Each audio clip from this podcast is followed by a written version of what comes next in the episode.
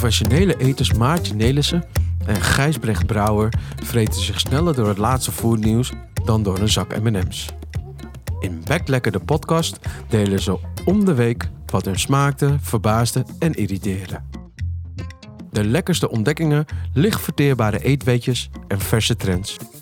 De foodpodcast voor iedereen die beter kan eten dan koken. Hey, ik ben Maartje en tegenover mij zit Gijsbrecht.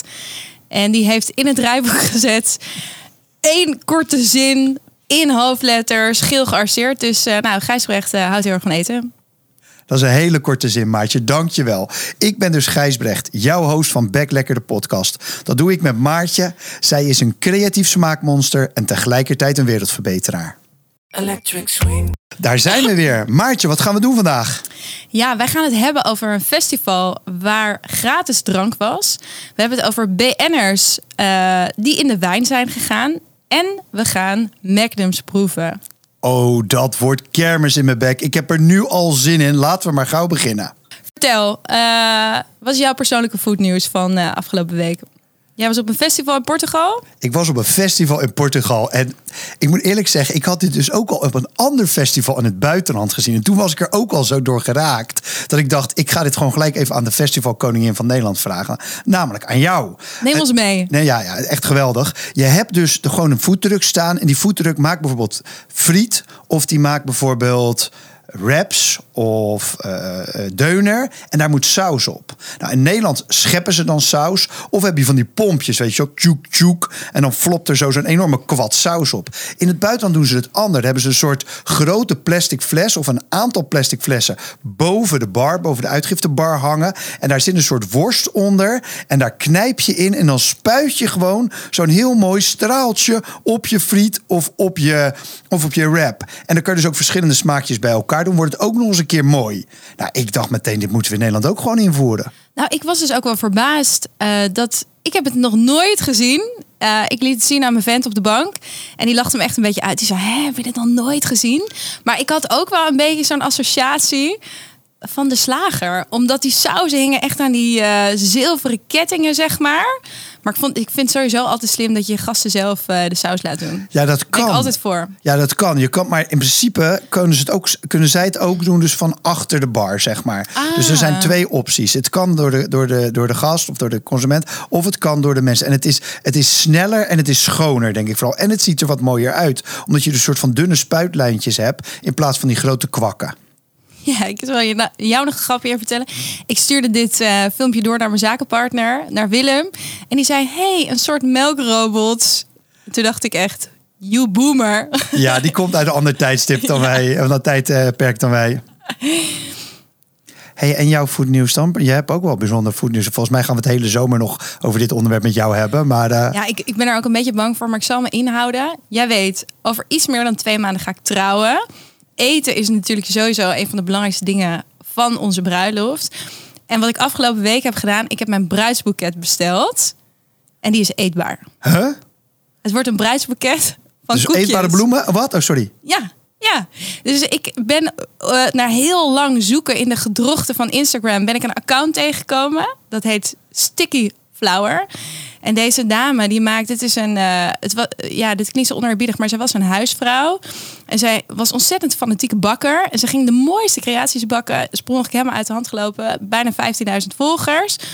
En ik kwam dus tegen dat zij de mooiste koekjes maakt op een soort stokjes. Dus ik dacht, ik moet een bruidspakket van bloemetjes. Ja, Eetbare bloemetjes van koekjes. Het, het klinkt geweldig. Dus je hebt een, een, een eetbaar, dus het zijn allemaal koekjes. Nou, vaak hoort zo'n bruidspakket natuurlijk in een heel groot plaatje. Je hebt een jurk, je hebt een inrichting van je trouwlocatie. Kan ze dat ook allemaal doen dan? Nou, ik, ik vertrouw haar daar gewoon op. Dus wat zij in ieder geval doet, is zij zegt... ieder koekje kost minimaal acht minuten om af te maken. Er zit een bepaald iets in mijn trouwjurk, waar ik natuurlijk niet veel over kan zeggen. Maar zij gaat het Voor helemaal weet, verwerken. Mee, ja, ik hoop het. Hoop het. Laten we het hopen. Uh, en zij gaat dus die, uh, ja, die koekjes helemaal een soort patroon erin verwerken. Dat het helemaal bij elkaar past. Dus ik ben heel benieuwd. En onderweg dat ik naar mijn toekomstige man toe loop, dacht ik, nou, dan ga ik gewoon lekker mijn bruidsboeket uitdelen. Heeft iedereen vast een koekje onderweg. Oh, dus je gaat niet achter je weggooien en dat de volgende die hem vangt, die gaat trouwen. Ja, dat leek me zo zonde. Ja, dat leek me ook wel leuk. Heb je deze acht koekjes in Maar plaats ga van jij zo'n hem vangen dan? hey, we hebben ook heel veel nieuws, dus laten we snel door. Tijd voor foodnieuws. Ehm ja, dit, hier konden wij samen gewoon niet omheen over dit nieuwsitem. Daar waren we ook meteen over uit. Dit wordt de eerste die we gaan doen. Namelijk, er was een Brabants festival. En daar was het drank gratis. Maar dat was niet de bedoeling. Dus het is volledig misgegaan met het nieuwe betalingssysteem bij de horeca op het Sterrenmuziek op het plein. De duizenden bezoekers kregen vanaf half negen gratis drank omdat het betalen via de Eventcoin in de soep liep. De eigenaar van Eventcoin zei: gratis drank serveren kost inderdaad klauwen met geld en daarover zijn we in gesprek. Nou, daar is, zit zoveel nieuws in wat we hier kunnen, ja, met elkaar kunnen bespreken. Want blijkbaar was er dus een festival ergens in Brabant de, het betalingssysteem ging stuk. En toen heeft de organisatie gezegd van... weet je wat, we willen de, de sfeer niet verpesten. Alles gratis vanaf nu. Wat, Ja. waar, ja, jij, jij hebt op zoveel festivals gestaan. Wat, wat denk jij als eerste? Ja, ik heb natuurlijk de catering gedaan van eh, honderden eh, festivals. Het was in Waalwijk, dit incident. En, eh, en de kop van dit artikel was ook... de Waalwijkse horeca is er ziek van. Nou, en ik snap dat zo goed. Ehm, wij hebben zelf... eh, ik heb een cateringbedrijf, de Food Line-up. Met de Food Line-up hebben wij eh, jarenlang al die grote festivals gedaan. En we merkten ook dat iedereen wil innoveren. Iedereen wil automatiseren. En ook die munten zijn er een belangrijk onderdeel van. Of in ieder geval de transformatie van munten naar digitaal betalen. Ja, en je merkt gewoon, soms werkt het niet. En ja, dit doet gewoon natuurlijk heel veel pijn. Ja, dus eh, eigenlijk zijn we met z'n allen een beetje muntjes klaar. Want het is, je moet weer ergens op een afgelegen eh, parkeerterrein... moet je dan je geld omwisselen voor muntjes. En dan, dan vergeet je weer die muntjes, je hele zak vol met muntjes als je thuis komt. Ik heb thuis een zak zonder dolle, bijna zo groot als een boter, boterhammenzak... die helemaal vol met muntjes zit. Ik zweer, daar zit voor duizenden euro's aan overgebleven muntjes in. Dus ik snap ook wel dat je naar digitaal wil. Kan je ook bijvoorbeeld van een afstandje bestellen. Kan je het klaar laten zetten. Allemaal super slim, maar... Ja, ik moet eerlijk zeggen, eh, dus alle chefs met wie ik werk eh, op die grote festivals, die waren altijd heel blij met munten. Want vooral als je eh, een foodtruck hebt bijvoorbeeld of een foodpump met heel hoog volume, dan is munt het allersnelste wat je kan doen. En zodra je naar een digitaal betaalsysteem gaat of naar pinnen, dan scheelt je soms wel echt de helft in de snelheid. En als je 2000, 2500 patatjes per uur wil serveren, dan is dat gigantisch. Heeft ook enorme impact op de rijen. Ehm, ja, mijn conclusie is een beetje, je moet het heel goed testen. En dat is ook weer lastig, want je moet een keer ergens beginnen. Ja, nog maar in Eh, Waalwijk, wou je zeggen. en dan maar in Waalwijk. Maar ja, dat, dat is dus ook niet, eh, niet helemaal gelukt. Ja, wa- waar ik altijd zo bang voor ben. Dus we hebben net zelf vorige week de catering gedaan eh, voor de Next Web Conference. Een fantastisch tech-evenement. En daar was ook op een cruciaal moment dat het net een flinke piek was bij de koffieondernemers en bij de baristi. viel ook het betaalsysteem even uit. Ehm, en heel eerlijk, het vervelende is dat het meest, meestal het pijnlijkste is voor die kleinschalige horeca-ondernemer. Eh, en wat ik ook uit dit artikel haalde, eh, is dat het gewoon nog heel ingewikkeld wordt om dit financieel samen op te lossen. En daar was ik dan ook wel nieuwsgierig naar hoe ze dat gaan doen. Want je kan wel beslissen, we gaan het gratis weggeven. Maar wie betaalt dit? Ja, dit gaat natuurlijk gauw om 50 of 100.000 euro, zelfs op een, op een wat kleiner festival in, eh, in Waalwijk. Ik ben g- geen eh, festivalspecialist. Ik was wel, eh, dus niet op het festival, in het festival in, eh, in Portugal waar ik van de week was, was het met, met bandjes was het betalen. Dus moest je opladen, tap up, hè, tap up your wristband heette dat. Die twee daarvoor, zowel in Rotterdam als bij de Best Kept Secret, was het betalen met de pin. En ik weet dat het ietsjes langzamer is, maar het is wel vaak, ja, alles kan misgaan, maar wel vaak foolproof. Dus daar ben ik wel voorstander van. Hey, maar stel je nou voor, wij waren daar in Waalwijk en alles was gratis. Wat had jij gehaald bij de bar? Ja, ik zo wow. Eh, ja, nou, ik zal je vertellen. Ik, om even aan te haken. In Portugal schonken ze dus echte sterke drank. Dus dan kreeg je dus niet zo'n premix. Maar dan kreeg je dus gewoon eh, twee, van die, twee van die bakjes eh, eh, gin. En dan een echte tonic erbij. Dus dat, dat, als het echte drank was geweest... had ik denk ik wel van, denk voor al mijn vrienden gin tonics gehaald. Oh ja, lekker aan de ginto. En jij? Ehm, Ja, ik, ik ben gewoon heel trouw aan bier op ieder festival of ieder evenement. Dus- Verandert gewoon helemaal ja, niks. Ja, maar, maar en ook Hotello. omdat op, op festivals eh, wordt alles natuurlijk gepremixed. Dus in Nederland moet je alles onder de 15% alcohol. Dus dan vind ik een gin tonic vaak toch wel minder smaken. Ja, is echt niks. Hoewel sommigen die doen het nog steeds heel aardig. Maar ik denk dan, eh, ik zou geloof ik gewoon 20 bier halen. en Even heel veel 20 vrienden maken. halen. Ja. Oké, nou van, van de gin tonics en het bier ehm, naar het wijn, naar het wijn, de wijn, het wijn. Ehm, ik appte jou wat door. Ik had een heel, heel grappig plaatje gevonden met een, met een soort roze wijnfles erop. Ja. En ik, ik, zeg, ik zei tegen jou, Maartje, deze BN'ers, die hebben een wijnwerk begonnen, maar ik zei niet welke het waren. En toen? En toen, ik zal eerst even eh, onze luisteraars meenemen. Dus deze wijn die hij mij doorstuurde is een, eh, een rosé uit de Provence. Hij heet Chouchou. En hij heeft een soort roze lila huisstijl. En ik dacht, dit had ook echt de huisstijl kunnen zijn van een kledingmerk voor chihuahuas. Oké. Eh, Oké. Maar jij zei, kan jij raden van wie dit is? En ik dacht, eerste gok Bas Smit. Ja, nou was ook geloof ik meteen, meteen goed. Natuurlijk de food, überhaupt de internet en, en, en foodondernemers, influencers van dit moment, eh, Bas en Nicolette. Chouchou Rosé. Als groot liefhebbers van lekker eten en mooie wijnen is het idee om een eigen wijn op de markt te brengen iets waar we al, al jaren over hebben. Deze droom is uitgekomen. Geboren in de Côte de Provence en met veel amour gebotteld. Chouchou, elegant, fruitig en verfrissend. Comtois, mon chouchou. En chouchou is iets van lieverd, hè? Of Liefje, liefje. kusje of zo. ja, ja. het is... ehm, Ondertussen gaat onze producer Faisal gaat best wel kapot hier op de achtergrond. Ja, ik, ik vond het wel grappig om te zien, want ik, ik ben hier even ingedoken. En ik ging, ik ging diep, kan ik je vertellen. Dus ik kwam erachter dat in Amerika eh, is er ongeveer geen enkele mega celeb die geen wijngaard heeft of aandelen in een wijn. Dus we hebben het over van Mary J. Blige. eh, die heeft een soort sun-kissed wine, zo noemt ze die, eh, tot Brangelina. ja, Brad en Angelina, dat zijn natuurlijk de wijnondernemers. Absoluut. Brad en Angelina die hebben dus in eh, 2008 een prachtig château aangekocht. Château Miraval. Eh, voor 35 miljoen. Ze zijn er ook nog getrouwd trouwens in Oh, 2014. dat kan je ook nog doen.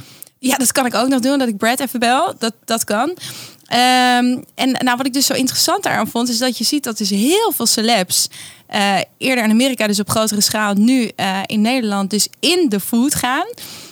Een tijdje geleden, een paar weken geleden, ging ik een koffietje drinken met Manon van Essen. Dat is de bloemkoolkoningin die ooit Maggioni eh, heeft opgezet. Ik zeg de bloemkoolkoningin, maar ik bedoel eigenlijk de pizza-koningin die die pizza's heeft ontwikkeld van bloemkoolbodems. Ja. En wat Manon vertelde, die is nu echt een hele serieuze investeerder geworden. Zit ook in Dragon's Den. En zij zei, ik probeer iedere food startup die ik begin meteen een influencer, bij aan te haken. eh, die meteen aandelen krijgt of mee gaat ondernemen voor de media equity. En toen dacht ik, jij zal hier ook vast iets van vinden. Ja, dit is dus eh, gesneden koek in Amerika. Kijk, dit is, je moet eens zien, het aantal foodmerken is gewoon geëxplodeerd de afgelopen 10, 15 jaar. En ehm, het is daardoor moeilijker om op te vallen. En het, je wil een, of een plek in het schap bij de Albert Heijn of de Jumbo.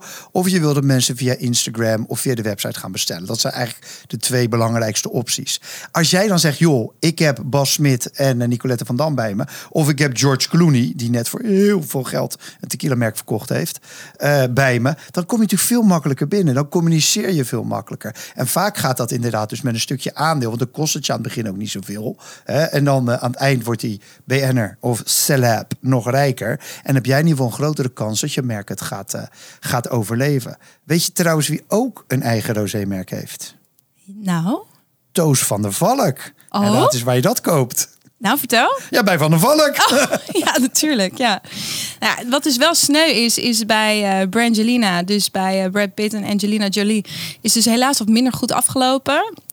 Dus ehm, Jolie wil van der, eh, wou van haar aandelen af, heeft het verkocht. Brad Pitt is compleet over de zeik, want die heeft bloed, zweet, tranen, nog meer miljoenen in hun wijngaard gestoken. En die heeft het dus ook echt eh, uitgebouwd tot het succesvolle bedrijf wat het was. Dus ik hoop maar dat het Bas en Nicolette gewoon heel lekker blijven gaan met elkaar. En dat wij snel die wijn gaan drinken. Ja, Want eh, ik heb hem nog niet geproefd. Ik heb ook niet geproefd. Dus eh, Bas of Nicolien, Nicolette, sorry, als je belt, luistert, bel me even. Dan eh, gaan eh, Maartje en ik absoluut proeven. Oeh, rosé. Misschien over twee weken. Leuk Kermis in om je te bek. proeven. Ja. Leuk. Leuk.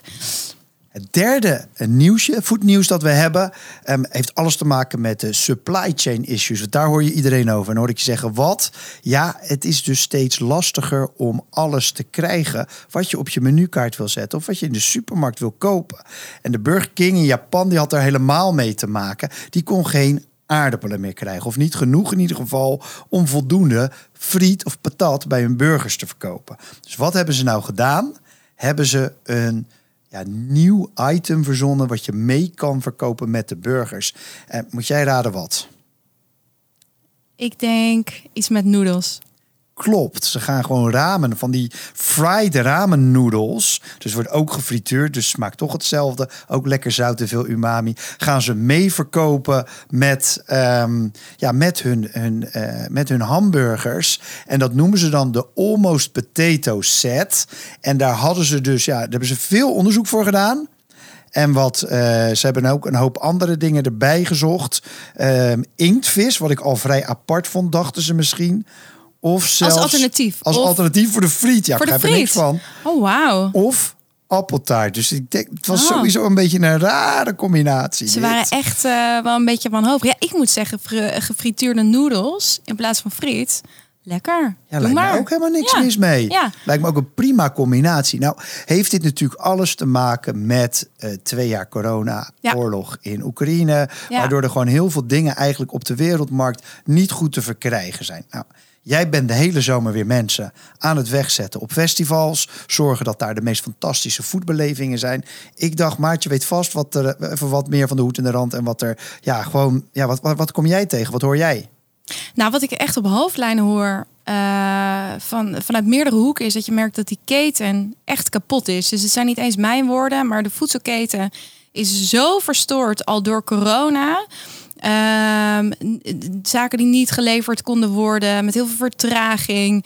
Eh, ik weet dat een container uit China haalde, eer- eh, laten komen eerder rond de 1500, 2000 euro was. En dat je nu al rond de 8000 euro eh, betaalt. En dat je zelfs nog een kans hebt dat iemand die meer biedt, een bol.com, whatever, dat die je overbiedt en dat je ook nog je container kwijt bent. Maar wat je vooral ziet op ingrediëntenniveau is dat er een paar enorme uitschieters zijn. Dus bijvoorbeeld vlees is echt heel kostbaar geworden. Wat je ook ziet is door die enorm stijgende brandstofprijzen. Eh, gaan vissers veel minder varen. Dus ik werk met een fantastische visspecialist, eh, Vis van Henry. En die gaf aan, ja, ik moet gewoon kijken wat ik op een menu kan zetten. Want soms is dit er wel. eh, en een ander item wat er, wat er altijd was, ik kan even geen voorbeeld noemen, dat is er dan ineens niet meer. Dus mensen moeten echt kijken naar alternatieven. Dus je ziet minder vlees, minder Ja. vis, alternatieven moeten er komen. Ja. Hoe, hoe, lossen, hoe lossen mensen dit dan op in de, als je een heel zomer festivals moet doen? Ja, wat, wat ik denk is dat er heel veel verschuivingen komen op de menus. Eh, wat je ook ziet is dat mensen gewoon wat meer grip willen krij- krijgen op waar haal ik nou wat vandaan. Dus volgens mij is het een fantastische kans om eindelijk dingen echt van dichterbij te halen. Om beter te weten van wie komt het nou. En als er dan een keer iets niet leverbaar is, dat je wat meer grip erop krijgt van ja. Hè, is dat dan volgende keer ook zo? Of moet ik gewoon naar alternatieven kijken? En wat volgens mij een geweldige kans is, ehm, is dat we echt die transitie nu ingaan. Ehm, wat, wat ik tegenkwam is dat ProVeg eh, is een Nederlands bedrijf. Die heeft een prijsanalyse laten doen. Eh, en die komen er eigenlijk achter dat op dit moment eh, dat de plant-based alternatieven, de vleesvervangers, bijna hetzelfde of hetzelfde geprijsd zijn als die klassieke eiwitbronnen. En volgens mij is dat een geweldige kans voor nu. Want wat ook interessant is om te weten, is dat 55% van alle consumenten denkt dat alles plant-based nog steeds duurder is. dus, dus- volgens mij ligt daar een enorme kans. Nou, mooi, misschien een mooie takeaway van, van dit, van dit ja, toch wel nare geheel met, met food chain, eh, eh, supply issues, noem maar op. Is dat we misschien met z'n allen wel wat duurzamer gaan leven. Eh, Want uiteindelijk, consument, als het vlees smaakt naar vlees en als het goedkoper is dan gewoon vlees, is er natuurlijk een veel minder reden om traditioneel vlees, wat van dode dieren gemaakt is, te kopen. Gijsbrecht, ik heb heel veel lekkers meegenomen. Kermis in je bek, we gaan proeven. Ik heb een koeltas vol. Magnums, yes! Yes.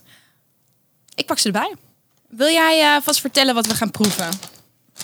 We gaan Magnums proeven. Ehm, ja, de belangrijkste reden waarom we Magnums gaan proeven is dat Magnum, hebben het merk wel honderd keer genoemd, een nieuwe eh, variant op de markt heeft gebracht. En dat doen ze zo goed. Je heet de remix. Dus alle influencers in Nederland zijn alweer eh, aangehaakt. In Cannes stond Kylie Minogue, stond haar oude hit uit, 19, uit de jaren 80 stond ze, jaren 90 stond ze geremixed te zingen. In Nederland zat Lee Towers zat in de clip. Het gaat maar door. Dus we hebben een remix smaak van Magnum.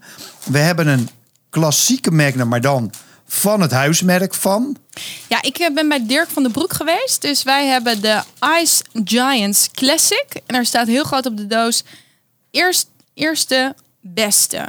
Dus dat is veelbelovend. Zullen we met eh, Dirk van den Broek huismerk Ja, en wat is de derde? We hebben dus. En de derde, eh, ik zal je verklappen, ik had heel graag mijn favoriete eh, Magnum mee willen nemen. Dat is de Abbott Kinney's eh, plantaardige Magnum op basis van kokos.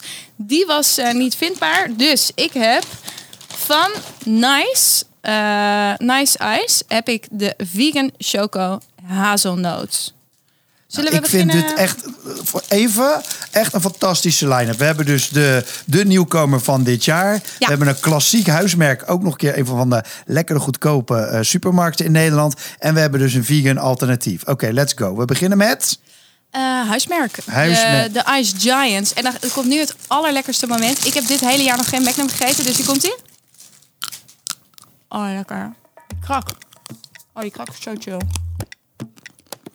Mm, Ik vind heel erg cacao nu hoor. Mm, Hoor je wel. Ja. Hmm. Nou, die krak is goed van deze Magnum. Nou, die krak is fantastisch. Ehm, Smaak van chocola valt niet tegen. het is best is wel... iets, iets vettiger bij een normale Magnum, heb ik het idee. Die, die, dit chocolaatje. En het ijs is voor mij een beetje drogig. Het ijs is een beetje drogig, maar weet je wat ik heel lekker vind aan deze? Is dat soms is het contrast van die chocolade, die chocolade coverage zeg maar met het ijs is dan best wel groot. En dit smelt dus best wel lekker samen in je mond. Ehm, eh, de chocolade is inderdaad vrij zoet. Die proeft heel erg vanille in, eh, in het ijs. Ja. Oké. Geen, Volgende. geen gek begin. Volgende. Wacht hoor. Naar de remix. Gooi je hier gelijk. Gooi je gelijk de, nou, de nieuwkomer. Wat mij opvalt trouwens. Dit is echt een Magnum Pje. Als je dit vergelijkt met de eerste Magnum, gewoon toen die op de markt kwam, 10, 20 jaar geleden. Daar, ja, daar past deze misschien wel drie keer in. Dus deze is, hij is, Ja. aan de bovenkant is die bruin en aan de onderkant is die wit. En ze noemen het ook, geloof ik, dual coating technology. Ze hebben stond ook echt nog in het persbericht een of andere fancy nieuwe technologie. Dus hij gaat natuurlijk gewoon, komt hij uit die machine en dan wordt hij natuurlijk gedoopt in die chocola. En hij wordt dus in twee typen chocolade gedoopt. En vandaar dus remix. Remix. Ik vind het wel een hele woke Magnum. Al Toch? curve van de regenboog. Ja, een beetje, een beetje pride-achtig. Ja. Ehm, ik moet wel zeggen, deze, deze krak, Och. ik neem net even, is wel echt onovertroffen. Oh, In ieder geval als ik hem wegzet Amondo die- tegen huismerk. En die melkchocolade is wel verrassend smaakvol. Ja. Hij is wat minder vettig inderdaad dan die eerste. Dat, dat, hij, hij ver- verspreidt eigenlijk over je hele mond. Ik moet zeggen dat die amandeltjes erin het ook wel echt heel goed doen. Meer nog Hmm. dan, dan ik van mij vroeger kan herinneren van die amandel magnum. Alsof die een beetje helemaal er doorheen gewassen is, zeg maar. Overal in alle stukjes chocola. Het enige wat ik dan nu graag wil is die witte chocola proeven. Maar die is onderaan. Ja, dan moet je Dus wachten. ik- ja, dan moet ik eerst al dat bruin opeten. Dus wel, Ik vind wel oh, het ijs... ik, ga, ik ga langs de kant eten. Wacht even. Ja, dus we hadden net eh, een vanille roomijs in de eerste vulling. En hier zit een, ehm een hazelnoot roomijs in. Eh, die haal je er wel heel erg uit. Het is wel een hele penetrante, notige smaak. Als in best, voor mij is het best wel artificial. Ik weet niet hoe jij die vindt. Ik vind de Ja. chocolade echt top. Ja. Ja, het ijs, ja, het heeft ook een soort van tint of een soort van raar nasmaakje. Ik moet zeggen, de, de, de, de choke is hier echt onver- onovertroffen. Dat is echt goed. Ik vind ijs, nou ja, wat jij zegt wel eigenlijk. Dus laten we maar naar de derde gaan-. Het wordt een beetje, ehm, een beetje ehm, melig of zo. De laatste is de Nice, nice Ice. En Nice, Nice ken jij misschien wel. Ja. Van de fruitijsjes. Ik denk dat het nu zo'n acht of negen jaar op de markt is. Toen zij net op de markt kwamen, heb ik zelfs nog een avondje met ze gebrainstormd. Dus zij wilde eerst heel erg de kant op van evenementen en festivals. Het is een wat cheapiger zakje en een wat cheapiger lookje van deze. eh, Ja. Je Ja, wel dat dat je ineens in de geitenwolle zoekhoek eh, terecht bent gekomen. Ja, aan de andere kant kan ik me wel voorstellen dat de plastic wat ze hiervoor hebben gekozen dan weer een stuk verantwoorder is dan, eh, dan die van de Dirk Oh, of van de vulling. Oh, ik zie het ja. Het is gewoon echt een, eh, een pops. Een pop. Chocopops. Het is een ja, een popsicle. Hmm. Ik moet zeggen, het is, ja, het is een compleet andere ballgame, maar het is niet slecht. Ik zou dit meer als alternatief voor mijn perenijsje doen of zo. Oh, jij vindt het niks? Ik zie hier een kop tegenover me. Nou, ik weet niet of ik nog met haar zou gaan trouwen als ik met haar zou gaan Oh, trouwen. hoor. Jee, zo ga je zo gemeen doen. Oh, dit is echt. Dat jij vindt het niks, hè? Eh, maar weet je wat het is? Ehm, ik ben dus niet een enorme ijseter. Nee. En ik vind zeg maar, als ik een bolletje ijs zou nemen, zou ik nooit voor chocolade gaan. Nee. Omdat ik hou van ijs, dat dan iets frissigs heeft. Ja, En wat ik dus wat ik lastig vind, is dit is misschien ook niet helemaal eerlijk vergelijken voor nice, Nee. maar zo'n popsicle. En dan in vergelijking met dat hele romige en zoetige wat we net hadden, dan hadden we eigenlijk deze als eerste moeten proeven. Nee, ik, voor mij, ik hou van de nice fruitijsjes. Die vind ik super fris en lekker fruitig eh, en heel doorslessend. En, en dit wordt voor mij ehm, een beetje weeg. Het, het smaakt heel melkig. Ja, en terwijl het natuurlijk een vegan ijscream is, dus er zit helemaal geen melk in. Nee. Maar nee, deze gaat hem voor mij ook niet worden hoor. Eh, maar het is inderdaad niet helemaal een eerlijke competitie. Nee. Ehm, dus ja, wellicht dat we hem volgend jaar nog een keer overdoen met wel Abbott Kinnies erbij, als de zomer weer voor de deur staat. Ja, goed idee. Wie is, eh, wie is voor jou de winnaar? Ja, makkelijk de Magnum. Ja, dat was geen. Ik vond het ijs had voor mij nog ietsjes beter kunnen, maar ik vond de chocola, zowel wit als bruin, echt fantastisch. Maar eh, van de zomer, als wij een keer naar Den Haag gaan, ga je dan die remix bestellen of gewoon de classic? Of, Nee. of die almond? Nee, nee, nee, dan ga ik deze remix bestellen, absoluut. Ja, jij niet, jij doet de Elmond. Nou, ik, ik vind het hazelnotenijs. eh dit vind ik. ah. eh, maar, maar als, anders eet ik de chocola op en dan krijg jij Ja, mijn oh ja, hazelnotenijs. ja. Hey, ehm, over twee weken zijn we er weer. Waar kijk jij tot die tijd naar uit? Ja, nou, we zitten toch midden in het ijs. En we zaten net al te praten over burgers. En ja, je weet, ik ben natuurlijk ook gewoon een beetje gestoord als het gaat over foodtrends. Dus mijn, eh, een van mijn favoriete kipzaken in Rotterdam, Freddy's, die heeft elke maand hebben ze een special. En zij hebben gewoon een van de. eh, Als ik het over kip heb, hebben ze van dat breaded, hè, dat Engelse ingepakte eh, kip, gefrituurd met panko eroverheen. Ja. Dus het is een soort van echt crunchy kip is het. En dan doen ze op een zoet bolletje. En daar gooien ze vanilleijs bij. En ik, ik heb hem in mijn hoofd al tien keer geproefd. Want ik voel gewoon die kou als ik moet bijten in die burger. Van de kou van dit ijs op mijn tanden. En, En wanneer ga je hier naar heen? Met wie? Benieuwd. Oh, ga gewoon zelf. Nee, Oh, het staat al op de graag. kaart. Ja, het staat sinds deze maand staat op de kaart. Ja. Dus, maar ik ben nog niet geweest. Dus ik heb al geappt met die jongens. Ze verwachten ook dat ik wel echt heel binnenkort kom. Dus eh, daar kijk ik naar uit. Jij? Nou, ik ga eh, volgende week naar de opening van eh, Karma Kebab. Eh, Karma Kebab is die plant-based kebab. En zij hebben echt een gigapand geopend. Wat ik heel tof vind. Op een beetje een dodgy plek in Utrecht. Vlak achter het spoor. Het is een oud fietsendepot. 400 meter, 400 vierkante meter restaurant. En 1000 vierkante meter dakterras. Dus ik hoop dat het een beetje lekker weer wordt. Dat is bizar groot. Het is zo groot. En ook omdat het best wel... Het is een beetje in een woonwijk in Utrecht. Het is ook best wel nog een beetje een niche product. Dus ze steken Eh, wel een nek niche, uit. maar volgens mij wordt het heel vet. Ik was er toen ze nog vol aan het verbouwen waren. Toen zag ik al een botsautootje staan en toen dacht ik, ja, deze mannen kunnen dat gewoon heel goed. Dus ik heb er heel veel zin in. Oké, nou, jij naar de, naar de karma kebab, ik naar de kip met ijs. Ehm, dit was Back Lekker, de podcast vanuit Bunk in Amsterdam-Noord. Dank aan Gold Kimono voor deze lekkere tune en aan Faisal voor de productie. Vergeet niet even onze podcast te raten in je favoriete podcast-app. En heb jij nog voetnieuws? Laat het ons vooral weten via Instagram of LinkedIn. Tot over twee weken. Tot over twee weken. Doei.